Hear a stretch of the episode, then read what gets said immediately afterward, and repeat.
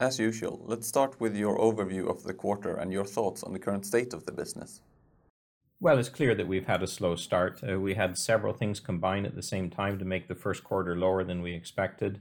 Uh, we had the normal lower volumes from Brazil due to the summer schedule. And this year, that was combined with three low programs and also with lower sampling cup shipments. For the three low programs, the first was obviously the VM Motori 3 liter diesel for FCA. Uh, we still haven't heard any media reports about a resolution between FCA and the EPA. So the model year 2017 engine has not yet been approved, and therefore that production hasn't started. Um, but it's also important to note that we haven't heard any escalation of the problems in the media, and all of the initial hype has just faded away. Within the industry, we hear that the discussions are progressing well, that the solution will be a simple software reflash, and that the production approval is expected soon. So we expect the 3 liter diesel volumes to recover in the near term and, and still to provide a growth opportunity in the long term. We had one other passenger vehicle program that was lower than average in the first quarter, but this was because the production line is being retooled for an engine upgrade, and that investment in the retooling shows a commitment from the OEM for the engine. So we can also expect recovery and potential growth from this program. There was also uh, one commercial vehicle program with lower volumes in the first quarter. This has been a good selling engine that's popular in the market, so we expect that it's just a timing thing and will continue to have a contribution from this engine in the future. So again, uh, the volume and the revenue were lower than we expected, lower than we would have liked, um, but that's just a slow start. It's not a trend. Uh, we're not worried. Should be a normal year. The sampling cup shipments were low in the first quarter. Is this an indication of low outlook for series production? No, we don't see the lower sampling cup volume in the first quarter as an indicator of a, lower outlook for the year. As I said in the first question, we expect a normal year, so we also expect normal sampling cup volumes. Um, the sampling cup volumes were affected by two main things in the first quarter. Um, first, there was a stock adjustment at a couple of foundries based on their year end inventory accounting, so that reduced their startup demand in 2017. And second, uh, one of our overseas foundries changed from sea shipping to air freight, so that eliminated shipments for about a month so they could realign the timing with the faster air freight delivery.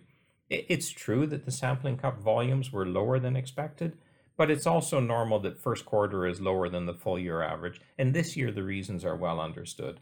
So again, it's a slow start, not a precursor or a trend, we did have a bit of a pile on effect in the first quarter, but we expect a recovery. We expect a normal year.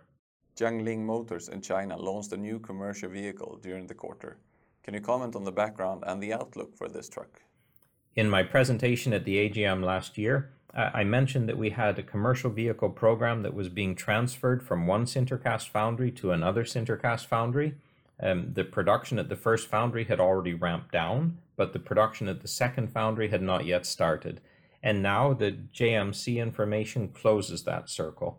The European production stopped last year, and now we have completed the initial prototyping at the JMC foundry, the series production installation at the Asimco foundry, the engine development and the pre production at JMC, and now the vehicles have been launched. There are photos of the trucks and the engines from the Shanghai Auto Show on the exhibitions page of our website, so it's fun to go there and have a look at the new trucks. Um, this is the first entry for JMC into the heavy duty market, so it will be interesting to see how the sales evolve. But the trucks look very modern, and both of the two engine options are based on Sintercast CGI. So every truck sale brings volume to Sintercast. Uh, good for JMC, good for Asimco, and good for Sintercast. We look forward to supporting their production. The report stated that the new tracking technologies have been well received by the market. Can you comment on the outlook for new installations? Well, inside the company, we're all really happy with the tracking technologies. We launched the initial application, the Ladle Tracker, with a press release in May of 2016 and our discussions with the industry have led to really interesting opportunities to extend the technology to the tracking of molds, of castings, and even the performance of the operators. It's a new technology and it's motivating to see how the customers want to apply it. Our technical director is presenting the technology at the American Foundry Society annual congress this week. Our sales director will be presenting it at the Ductile Iron Society annual meeting next month, and I will be presenting it at the German Foundry Conference in June. So it's clear that there's a lot of interest in the industry. We had hoped to secure our second tracking installation before now, but we see that it takes time for the foundries to digest the technology, to consider how they want to implement it, and to secure the budget approval for investment. We're conducting some extended trials at the moment, and we're confident that the tracking technologies will provide a regular contribution to our future growth.